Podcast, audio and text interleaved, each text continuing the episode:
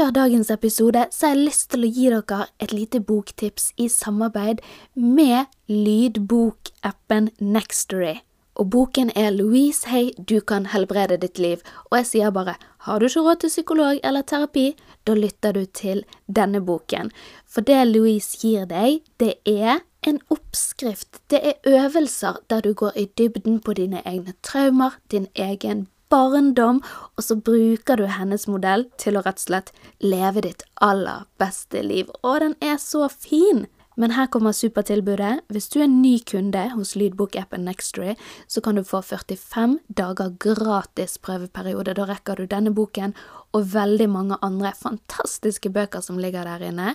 Så du går inn på nextory.no slash Amalie og signer opp. Og det er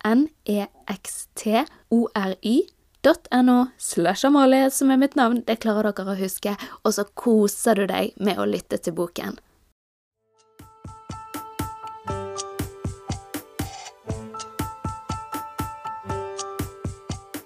Å, fy faen. Hvor lenge du har igjen nå av de der? Jo, Benedicte, jeg skal si deg det. Etter å ha tatt de av.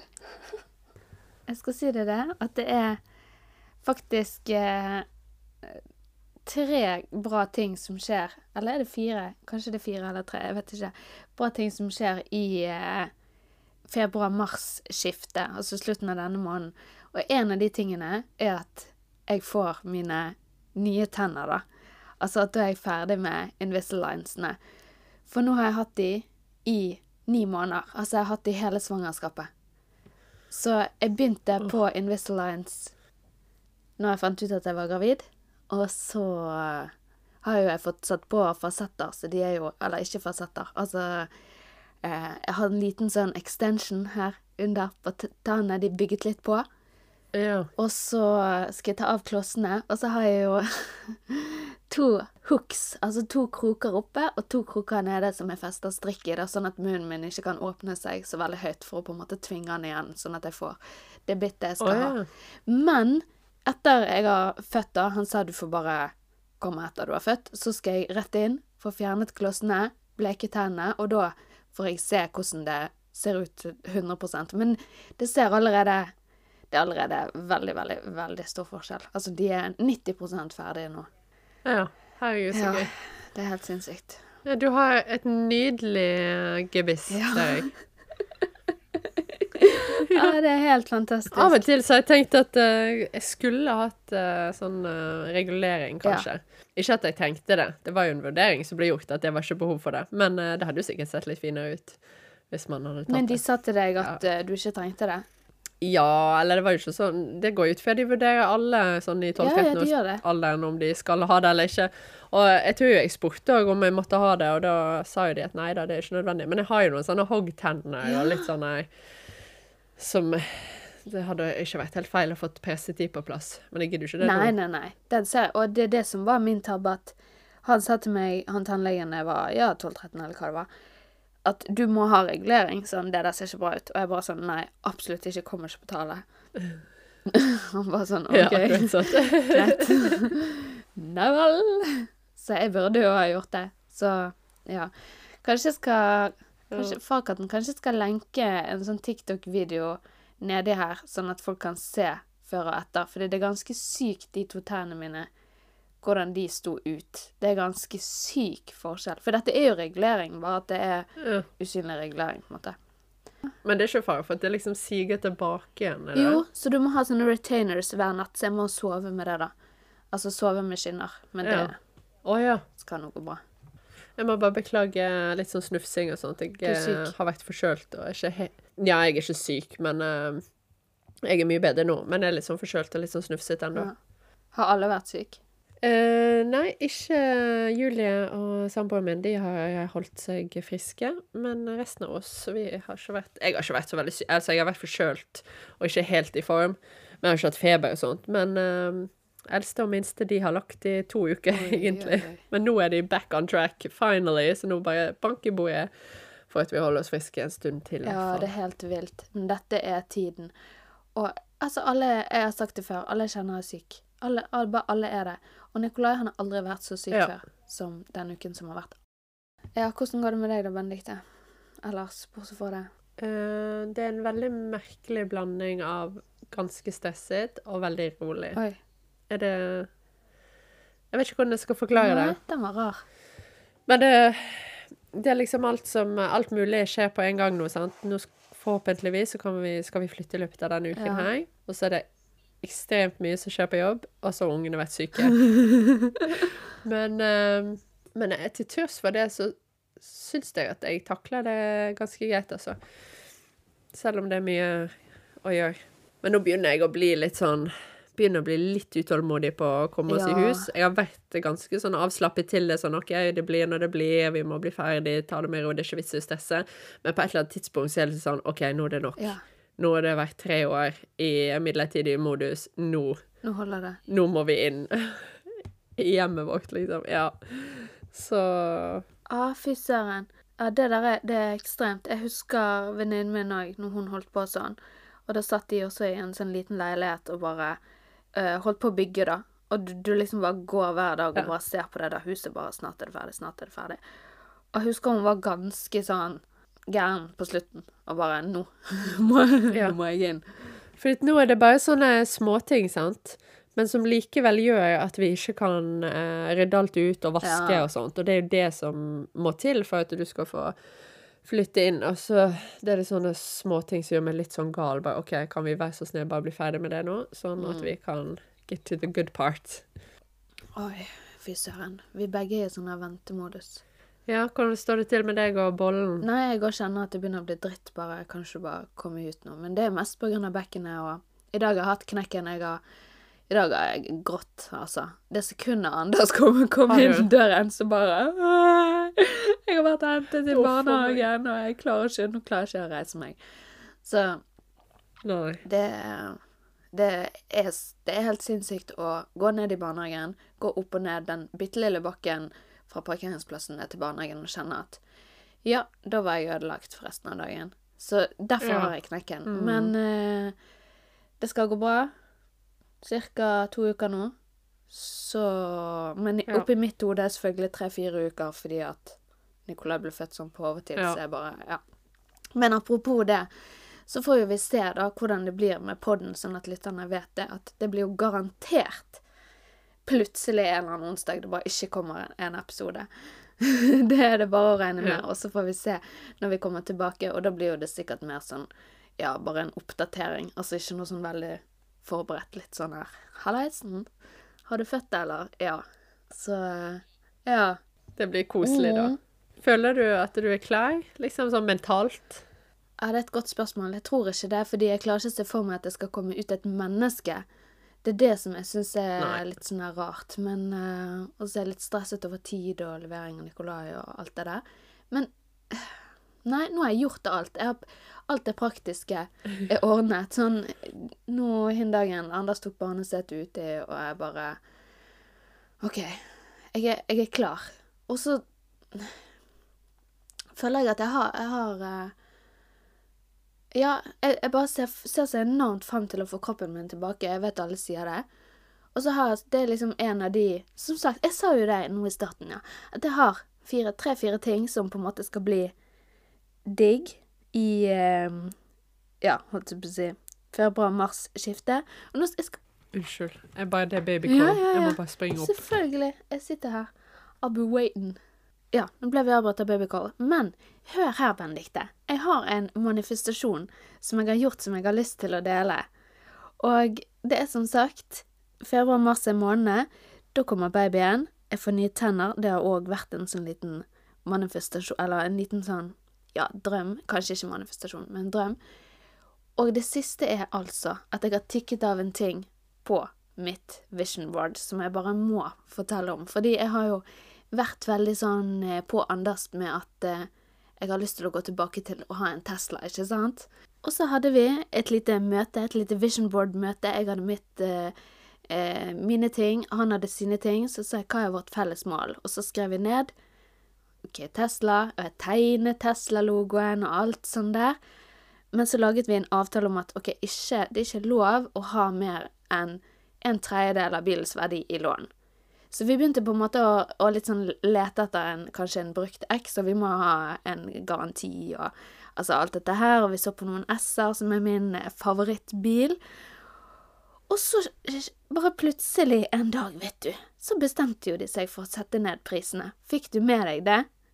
Ja, så det. Altså, det var jo altså så Det var liksom så surrealistisk, for det, gikk så fort. Og så ringte en kompis til han der, så han bare Du, nå har de satt ned prisene, har du sett det? Det er jo helt sinnssykt. Og vi løp inn på nettet og bare sånn Jøss, yes, wow, se på regnestykket. Dutt, dutt, dutt, med de nye prisene. Dette går jo. Det er jo faktisk innenfor budsjett. Så vi var raserkjappe og bare bestilte, rett og slett, på nett uten å prøvekjøre eller noen ting, for det var jo helt kaos den dagen uansett. Og så tenkte vi at eh, vi har nå kjørt en Tesla før, det er sikkert mye det samme. Og så var det kun sånn at du tapte bare depositumet sant, hvis du ombestemmer deg. Og det var et par, et par okay. tusen eller to tusen, eller ikke så mye i hvert fall. Så vi gjorde det, gikk opp og så på han, hadde allerede bestilt han. Og siden vi var så kjappe, så tror jeg vi fikk ganske rask levering. Så den skal komme i slutten av februar, eller i starten av mars. Oi. Ja, så da har jeg tikket av den ene tingen på mitt vision board allerede takket være Elon Musk lowering the prices. Og så leste jo jeg i går leste jo jeg i går at eh, de har satt prisene opp igjen, i, hvert fall i USA, da. Ja. Ikke med så veldig Oi, ja. mye, men de har begynt å sette de opp igjen, eksempel bare med sånn Bare litt. Det kommer sikkert til å skje litt og litt, men eh, det var oppe med ja, litt over 10 000, tror jeg, eller noe sånt. Så jeg Ja. Tikket av. Et mål. Veldig gøy. Litt sånn eh, på en rar måte, da, men jeg vil, jeg vil kalle det en manifestasjon likevel. Ja, fy søren. Det er ikke verst. Og så er ikke vi Vi er bare så vidt i begynnelsen av februar. Ja. jo. Ja, ja. Går det framover? Digg. Ja, nå er det bare å få til resten. Neimen, skal vi Skal vi hoppe inn i det? Er du klar for denne episoden, Benedikte? Jeg vet ikke. Jeg vet ikke hva jeg går til nå, kjenner jeg. Du gjør nesten ikke, for vi har snakket veldig lite om temaet denne episoden.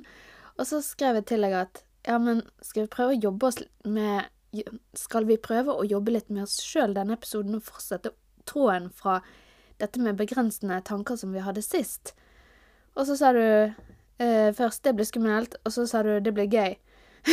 så bare tenkte jeg ja, det var to, eh, to meldinger der som Nei, men jeg tar, tar med meg den siste, i hvert fall. Og så tenkte jeg, fordi det har jeg tenkt på litt i det siste, da. Særlig med den boken Manifest, og nå har jeg begynt på Du kan helbrede ditt liv av Louise Hay. Så jeg har tenkt på dette at ja, vi har begrensende tanker, som vi snakket om i den episoden. Og så har man dette med affirmasjoner, som meg og deg har snakket om før. sant? Disse positive tingene. Og det har altså ikke slått meg, av en eller annen grunn, at affirmasjoner det kan òg være negative ting. Altså, en affirmasjon er en bekreftende tanke. Så du har en begrensende tanke, et eller annet som begrenser deg, og så bekrefter du den med en eller annen form for affirmasjon. Og da var jeg litt sånn her, Oi, OK. Hva er det jeg går rundt og bekrefter til meg sjøl hele tiden? Og jeg gjorde litt sånn work på dette her. Jeg satte meg ned med penn og papir, og eh, jeg hadde særlig én ting, da, som jeg hele tiden går og ja, sier til meg sjøl, og det er at jeg er sliten. Det er alltid sånn åh, nei, men jeg er sliten, jeg er trøtt. Og det er en slags bekreftende tanke som henger litt sammen med en begrensende tanke, som er at ja, jeg ikke på en måte klarer å gjøre nok ting, sant. Jeg tør ikke å gjøre nok ting. Vi snakket litt om det at jeg tør ikke gjøre nok ting på sosiale medier, og jeg tør ikke gjøre det, og jeg tør ikke gjøre det. Og så på en måte bare bekrefter jeg det med at ja, men jeg er sliten, og alt dette her, samtidig som jeg hele tiden sier til meg sjøl at jeg, du er ikke god nok hvis du hviler. Så jeg sitter med to sånne veldig sånn krasjende tanker, da. Så tenkte jeg OK, hva kan man gjøre med disse tingene? Og så har jeg en liten øvelse, og så tenkte jeg på deg. Og du òg har jo litt sånn det samme, nå skal jeg være betalt ærlig med deg, men du, du sier jo òg veldig ofte sånn Men jeg har ikke tid. Og det er jo ting som man sier til seg sjøl som er en negativ affirmasjon. Og det betyr ikke at det ikke er sant. Du har dårlig tid. Jeg er veldig ofte sliten. Men det blir sånne ekstra bekreftende hele, når vi hele tiden sier det til oss sjøl, da. Og så ble jeg litt sånn her Ja, hva faen gjør man med det, da? Er du med? Ja, jeg er helt med. Det er litt sånn disse her uh, repetitive tankene som går igjen og igjen fordi det er en vane, Ja. sant. Og det er jo sånn, jeg òg forteller jo meg sjøl hele tiden at jeg liksom Ja, at jeg er stresset, at jeg har lite tid, og, og at jeg er sliten, liksom. Ja. Og ja, det er jo sant, men det gjør på en måte ikke situasjonen bedre heller av å liksom hele tiden bekrefte for deg sjøl at du er et slitent, stresset menneske. Mm. For kanskje plutselig en dag så har du litt energi. Ja, sant. Og så klarer ikke man å utnytte den energien fordi at jeg er jo et slitent menneske. Ja. Så dette har ikke jeg tid til, eller ork til, sant. Så det, det er jo en uh, selvoppfyllende profeti på mange måter, som er veldig mye annet, da. Men det er jo tankene vi sier til oss sjøl, liksom, eller de tankene vi har, som styrer det meste av atferden vår, sant. Ja. Og du søker hele tiden bekreftelse hos deg sjøl Mm. på at det du tenker, stemmer. Og så liker du òg å bygge deg opp denne stemningen så du, som er så gjenkjennbar, og som du er vant til. Jeg er vant til at jeg er sliten når jeg kommer hjem. Jeg er vant til at det er kaos når vi skal lage middag. Jeg er vant til eh, at eh, jeg ikke orker å vaske og rydde på kvelden, for jeg er så sliten. Hvis du hele tiden liksom det, det bare går på repeat oppi hodet ditt. At sånn er hverdagen min. I kveld kommer jeg til å være sliten. Jeg kommer ikke til å orke å- brette de klærne. Jeg, jeg kommer ikke til å orke å lage de matpakkene. Jeg må ta det i morgen tidlig. Så gjør jo du bare det. For det har jo du programmert hjernen din til å tenke og gjøre, sant. Og her er jeg Ja, jeg er ikke noe Jeg har blitt bedre til å ta meg sjøl i enkelte tanker og liksom bare OK, er dette her sant, liksom? Må du hele tiden fortelle deg sjøl at det er sånn og sånn? Men det igjen er jo en vane, sant, så det blir så Det er så vanskelig å bryte det mønsteret, syns jeg. Ja, det syns jeg òg. Og så merker jeg at jeg, jeg kritiserer Altså, jeg kritiserer meg sjøl nesten med en eneste gang for at jeg da eksempel ikke har tid, eller for at jeg eksempel eh, er sliten, eller for at det ikke er OK hvis jeg hviler, så er det eh, straff, da. Og så er det litt sånn OK, hvorfor gjør du det? For hver eneste gang jeg sier jeg er sliten, det jeg sverger, jeg hater meg sjøl litt mer for hver gang jeg sier det. Jeg, jeg kaster opp litt i munnen min hver gang jeg hører jeg sier til han der sånn Å, jeg er så sliten. Og så tenker jeg på hvorfor sier du det? Det er akkurat som du sa, sant. Det stemmer ikke med den personen jeg har lyst til å være. Og da er det så stor Det er så stor brist der, da. Og så har jeg merket at jeg liker ikke personer Nei, dette hørtes fælt ut. Men nei. Kan jeg si det på en finere måte, kanskje? Men jeg merker at jeg, jeg blir irritert på personer som hele tiden er sliten, hvis du skjønner. Eller trøtt. Og Ja. så har jeg en sånn voldsom irritasjon mot dem. Og så er det ironisk nok den personen jeg føler at jeg er i hjemmet, da. Og ikke med folk som er eh, jeg er ute med, eller venner, men kun de nærmeste. Det er de nærmeste, da, som får høre den negative greien. Og jeg har alltid tenkt sånn her Særlig når folk er trøtte. Da kan jeg bli skikkelig irritert. Og det passet jo bare superdårlig når min søster fikk narkolepsi. Altså, det gikk jo så Ja, det gikk så lang tid før vi visste at hun hadde narkolepsi, så hun var jo trøtt hele tiden, sant? Og jeg bare sånn Tuller du? Hvorfor må du sove nå? Sånn, den, den, den tingen som irriterte meg mest, det var det som skjedde med hun. Men det som var fascinerende med hun, da, og jeg vet ikke om det er sånn for alle som har narkolepsi, men det var når hun våknet, så var det akkurat som hun ikke hadde sovet. Hun var bare helt sånn lys våken. Og folk flest når de våkner, de er jo sånn her groggy og irriterende, og du bare åh. Men hun bare sånn ding! Opp med øynene, og så bare ja, hæ, hæ, har det skjedd noe? Akkurat som ingenting hadde skjedd. Så ja, Oi. veldig spesielt. Men uh, så fant man ut at det var det. OK, det var en liten digresjon, da. Men det er morsomt at det har jeg irritert meg over. Altså folk som må sove, folk som må være sliten. Og så er jeg det sjøl, så jeg vil ikke lenger Hva skal jeg si Jeg vil ikke ha den eh, affirmasjonen, og jeg vil ikke si det til meg sjøl eh, lenger, da. Og samtidig som jeg må finne en balanse med å ikke gi meg sjøl kritikk for når man faktisk er sliten, sant. Det må være lov til å hvile. Ja, jeg syns det er en vanskelig balanse, da, fordi at eh, eh, på en måte så vet jo vi at vi må gi oss anledning til å hvile, og det er ikke alltid du skal ta og rydde hele huset ditt om kvelden. Kanskje du skal bare ta en, noen timer på sofaen liksom og innvilge deg det. Men på en annen side prøve å opprettholde en viss produktivitet, Ja. liksom, sant? og ikke gå i den der at du ligger på sofaen hver eneste kveld, men at du faktisk tar tak i ting som må gjøres, liksom. Så det, det syns jeg er så Og det gjelder egentlig generelt selvutvikling, da. Mm. Altså, hvor mye skal du pushe deg sjøl til å hele tiden være i sånn utviklingsmodus, Ja. og når skal du bare slippe, på en måte, sant, og bare Ting er som de er, og jeg er sliten i dag, og jeg velger sofaen, liksom. Altså, det der er en sånn konstant uh, battle Ja. av mangel på bedre ord. Hele tiden, ja. Men uh, Og det, det tror jeg mange kan føle litt på òg når de hører på sånn selvutviklingspodkast og leser bøker og sånt. At det er en sånn ting du må gjøre konstant, og hvis du liksom har en kveld på sofaen eller en uke der du er veldig lite produktiv og ikke gjør noen av disse tingene, så er det liksom da må man starte på null igjen. Og det har vi snakket om tidligere, at det må jo man ikke. Det her er jo kontinuerlig for alle, på en måte. Og, eh, og vi er jo mennesker bare, alle sammen. Sånn at det går jo opp og ned. Men jeg syns, jeg syns det der er vanskelig, da. Fordi at jeg føler meg som et råttent menneske når jeg faller helt ut av rutiner og ikke gjør det som jeg egentlig har lyst til å gjøre. Og prioritere og bare slappe av og la rotet være, da. Nå tror jeg jeg pratet meg helt vekk. Men det er liksom Nei. denne balansen som er veldig vanskelig å rettferdiggjøre overfor seg, seg sjøl ofte. Ja, og det er en god bro, for det er derfor vi nå skal gå inn i denne øvelsen som vi skal ha, som handler akkurat om det der. Når skal du bare si at dette er kanskje ikke noe du burde gjøre, dette er ikke noe du skal prioritere. Det, her, det er nå terapien begynner, Benedikte. Fordi ofte, sant, så kjenner du når det er et eller annet du eh, føler at du må gjøre, eller at du skal, eller at du burde, så begynner du å kjenne at kanskje det setter seg i kroppen. Kanskje du blir stresset, kanskje du får litt vondt her og der.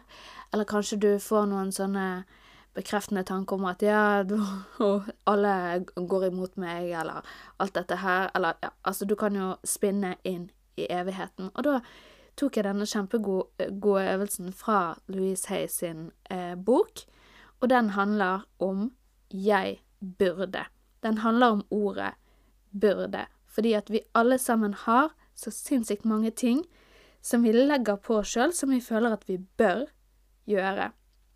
Så det første jeg gjorde, det var rett og slett å skrive ned en liten liste der hver eneste setning begynte med 'Jeg burde prikk, prikk, prikk'.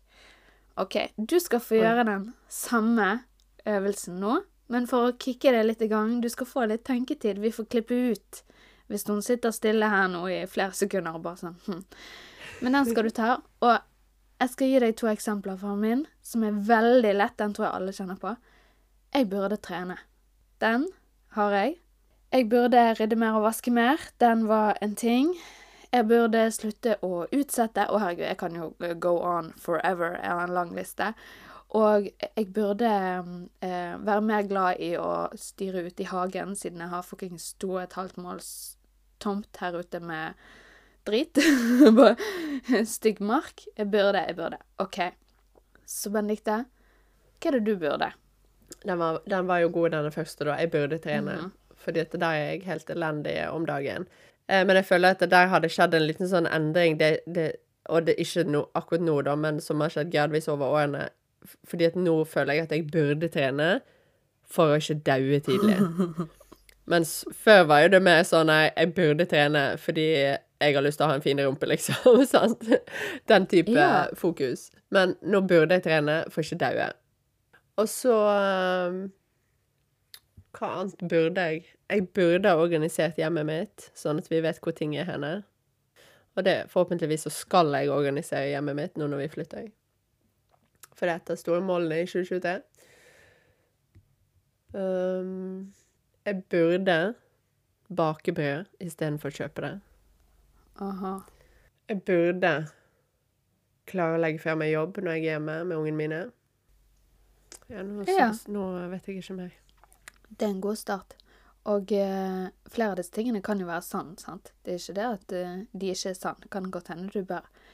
Men det som er interessant i boken, er at man skal nå prøve å skifte litt perspektiv og få vekk dette ordet her 'jeg burde'.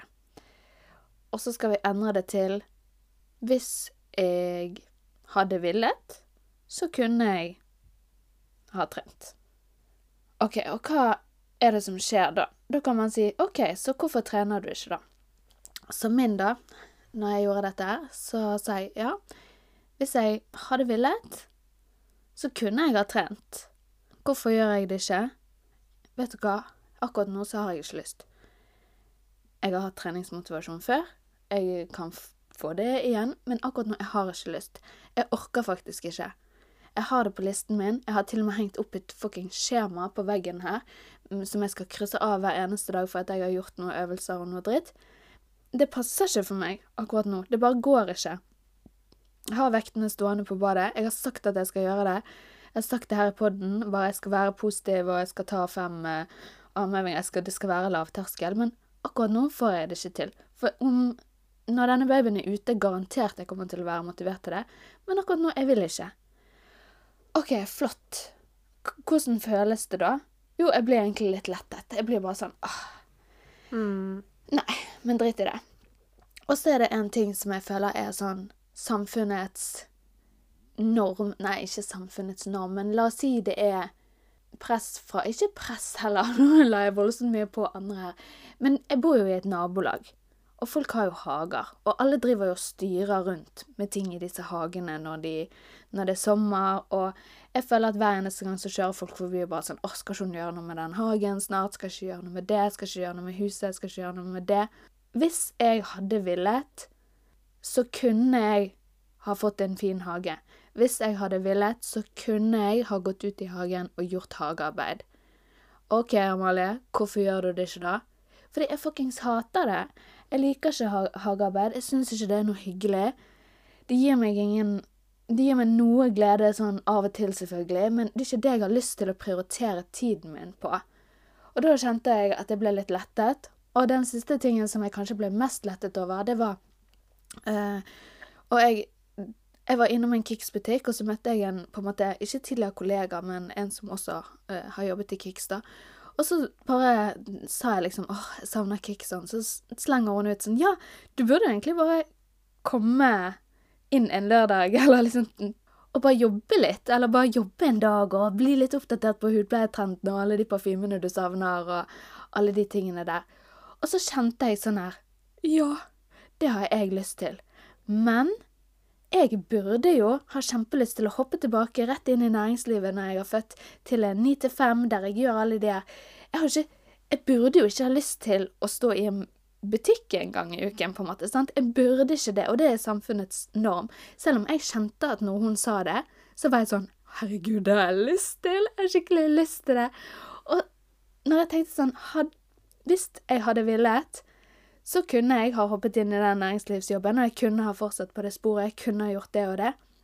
Men det samfunnet som mener at jeg skal det, det er det presset. Og det var en sånn enorm lettelse å bare sånn Ja, neimen Det er ingenting galt med meg fordi jeg kanskje ikke har lyst til det, da. Eller jeg har jo lyst til det, faktisk. Altså, Jeg skal ikke si at jeg ikke har lyst til det. Jeg har bare ikke lyst til å jobbe liksom akkurat innenfor de arbeidstidene, og jeg har lyst til å jobbe mer selvstendig, og jeg har lyst til å jobbe mer med oppstart. Altså, ja, det er masse greier som ligger i bunnen der, da. Eh, som ikke handler om at jeg ikke vil til næringslivet, men det handler om at jeg ikke vil tilbake til kjøret, på en måte. Jeg vil tilbake til gøy. Ja. Ja.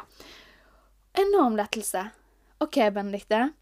Hvis du hadde villet, så kunne du ha Kunne trent. Kunne det. Hvorfor gjør du det ikke? Mm. Jeg gidder ikke. Nei. Jeg kom på en um, Kanskje et av de beste quotesene fra Phoebe Buffet i Friends. Der hun blir spurt Hun blir spurt eh, av uh, tror det var Ross, eller en eller annen som skulle flytte, da. Ja. Om hun kunne hjelpe til å flytte. Og så hun åh, I wish I could, but I don't want to. og det var så deilig ærlig. Som at, ja, jeg kunne ønske at jeg ville det, men det vil jeg bare ikke. Det har jeg tenkt faktisk mange ganger. Jeg har aldri sagt det høyt, men flere ganger har jeg tenkt at det, det, det hadde vært helt nydelig hvis jeg hadde hatt lyst til det. Men jeg har ikke Ja, lyst. Men det er så befriende å gå gjennom den listen, og så bare være litt sånn her eh, Men jeg, jeg vil ikke. Jeg har ikke lyst. Det passer ikke nå. Har du noen flere som du kunne tatt? Hvis du hadde villet, så kunne du ha lagt Du kunne jo ha lagt fra deg jobb når du kom hjem. Og den er kanskje litt vanskelig Ja. fordi at Hvorfor gjør du det ikke, sant? For det, det er kanskje noe du føler veldig, veldig sterkt at du burde. Jeg tror, hvis jeg skal bryte inn i din egen tankerekke, så er det jo fordi at man gir seg sjøl kritikk, ikke sant? Fordi at hvis jeg ikke er på jobb hele tiden, så er jeg ikke god nok. Hvis jeg ikke svarer på ting, så er jeg ikke god nok. Hvis jeg ikke trener, så er jeg ikke god nok. Hvis jeg ikke Altså at alle tingene egentlig, da Og dette er jo egentlig ikke mine ord, det er jo Louise Hay sitt forslag. Men alle tingene handler om at du, du er rett og slett ikke god nok hvis du ikke gjør de tingene som du burde. Det, så enkel er, er konklusjonen. Ja. Mm. Og som vi har snakket om før, sant? enten så svikter du noen, eller så sant? kanskje du føler at du svikter litt på jobb hvis du ikke svarer på den eh, mailen. Men så føler jo du òg kanskje at du svikter litt ungene dine hvis du sitter og skriver en mail sant? mens de bare 'Mamma, kan du hjelpe meg med dette?' Og så bare 'To sekunder, jeg skal bare svare på den mailen'. Så Ja, ja. Altså, og så sitter man igjen med bare sånn Søren òg. Jeg er ikke Jeg er ikke god nok. Og da gir man seg sjøl kritikk, og da Ja. straffer man seg sjøl, og så gjør man det egentlig bare verre, da. Jeg kan fortelle en ting som jeg følte før at jeg burde gjøre, og som jeg har funnet ut at jeg ikke må gjøre. Ja. Og det var når, når det var jul, så brukte jeg eh, veldig mye tid på å stresse over hva ungene skulle gå med på julaften og i julen når vi hadde selskaper og sånt. Så altså, det var sprang rundt i butikker og letet etter nye klær og alt sånt. Og mye av det var jo fordi de hadde vokst ut av det de hadde, så obviously så måtte de ha noe nytt. Men nå de senere årene så bare har jeg skjønt at jeg det, det gidder jeg faktisk ikke å bruke tid på. Jeg vil ikke bruke tid på det. Fordi at de bryr seg overhodet ikke om hva de går med. ja.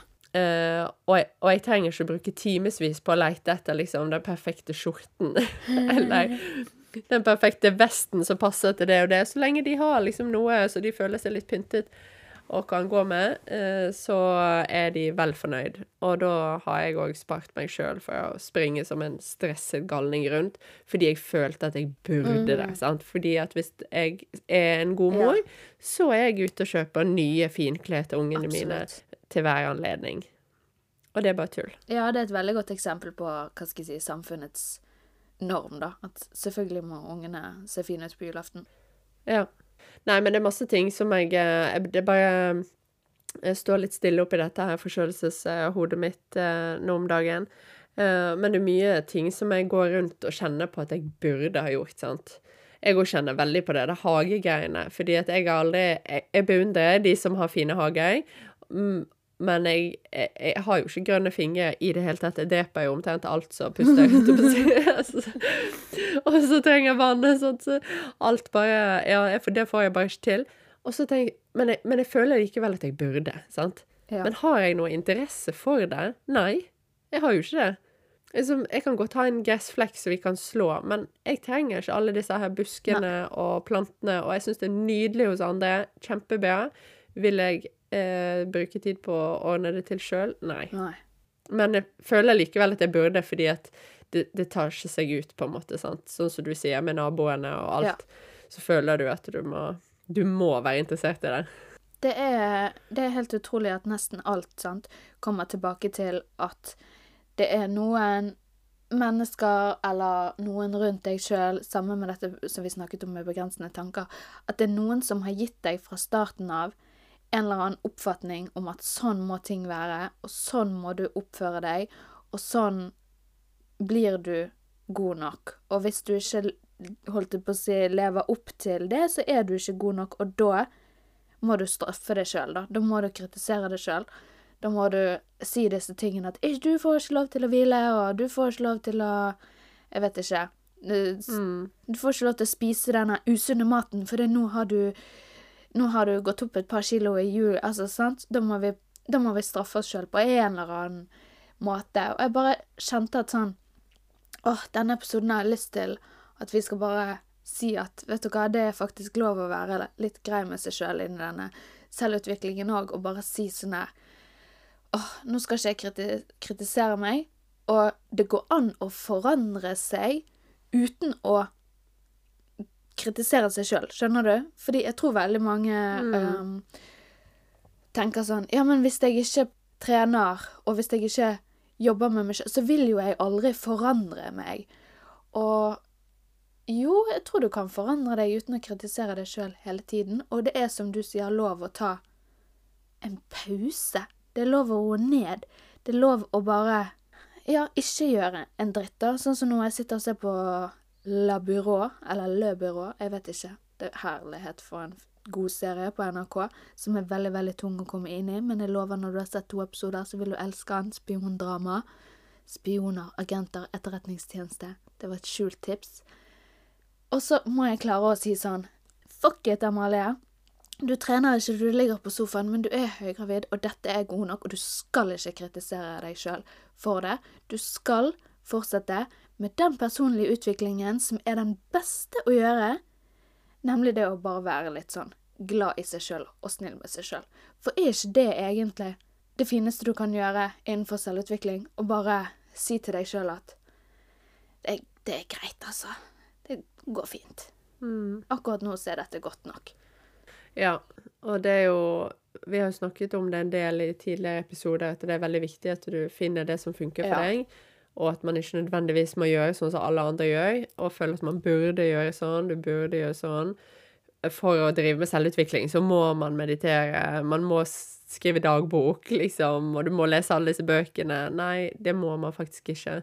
Eh, og for at man skal gjøre en endring, så må man være motivert å, for å gjøre den. Du må like det, Ja. sant? Skal, og uansett hva du skal gjøre, så må jo du ha lyst til å gjøre det. Det er jo veldig få som klarer å gjennomføre en endring fordi andre sier at de burde gjøre det, sant? Ja, denne personen mener at jeg må gjøre sånn, da får jeg gjøre det. Altså, det blir jo ikke noe resultater ut av det. De beste resultatene får jo du når du kjenner på en indre drivkraft og motivasjon for den tingen, når du faktisk har lyst til å gjøre det, sant? Og virkelig at uh, Ja, din Så det har jeg, jeg har slått meg til ro med det mange ganger, faktisk. Uh, At jeg kjent på sånn OK, men hvis jeg Hvis dette hadde vært tingen for meg, så hadde jo jeg hatt lyst til å gjøre den. Da hadde jeg klart å fortsette, men det hadde ikke gitt Altså, noen ganger må man liksom bare ta en fot i bakken. Bare sånn Er dette her egentlig noe for meg? For klarer, ikke- dette klarer jeg ikke å gjennomføre. Hvis du har prøvd på noe flere ganger å innføre en, et eller annet, sant, og så bare kjenner du etter at egentlig så har ikke jeg lyst til dette her. Det er fordi at jeg føler at jeg burde gjøre det. Og det er jo sånn ganske sikkert tegn på at da skal du kanskje prøve noe annet, Ja. da. Eller la det ligge en stund, liksom. Ja, fordi Og ikke bare fortsette å straffe deg sjøl fordi du ikke klarer å gjennomføre. og 100% fordi det er veldig sånn hustle mentality på sosiale medier. Og jeg er på mange måter så jeg for det der å ikke ta et eh, nei for et nei. Altså, jeg er for noe av det. Jeg er for det der at man ikke skal gi opp, men jeg er òg for det at det er greit, som du sier, å si nei. Da jeg så et lite intervju, bare en sånn snutt, vet du, på TikTok, med han som har laget um, Hva er det heter? Aqu- Aquafun? Aqualand, Aqua et eller annet. Jeg lurer på om oh, Jeg så liksom for meg at det var litt sånn Dubai, at det var noe veldig sånn her fancy, fint sted med masse sånn her aqua. Men uansett, så sier i hvert fall denne founderen her Så, han, så blir han spurt Ja, lykkes du med en gang? Og så sa han nei. Absolutt ikke. Første året så fikk jeg 617 nei. Og så sier hun nei, fra hvem? Så sier han nei, fra alle. Det var ingen, ingen som sa ja til Aquafun eller Aqualand eller hva det nå enn var. Men han hadde lyst til å lage det, så han høslet på, sant. Og da blir jo du litt sånn her, å herregud, fyren har fått 617 nei, og du bare kjør på, kjør på, kjør på, så klarer du det til slutt. Fordi det tror jeg virkelig på at det er sant. Hvis du faktisk ikke gir deg, eksempel hvis du driver med innholdsproduksjon eller sosiale medier, det handler jo bare om sant, consistency is key. Men så er det noe med at når du blir proppet full med det der hver eneste dag om at du bare må hustle, hustle, hustle, og ikke gi deg, og når du får nei, og når du møter motstand, så bare kjør på likevel, så blir jo du Du blir jo deprimert når du kjenner at dette har ikke jeg lyst til, men jeg må bare hustle på. Så det da å kjenne seg sjøl godt nok til OK, hva er, hva er min Hva er det jeg har indre motivasjon til å gjøre, da? Hva er det jeg kjenner Ja. på min innside, og hva er det jeg føler at jeg burde, burde, burde fordi samfunnet sier 'hustle hard'. Ja.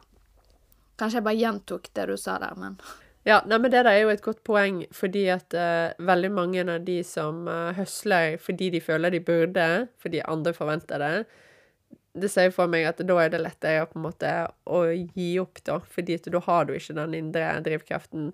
Men det er jo det som er veldig fascinerende med disse her gründerne og forfatterne og ja, de som starter sånne type ting da som ingen har tro på i starten, og så likevel klarer de å hente frem en sånn enorm motivasjon til å fortsette, fordi de har en genuin tro på ideen Ja. sin.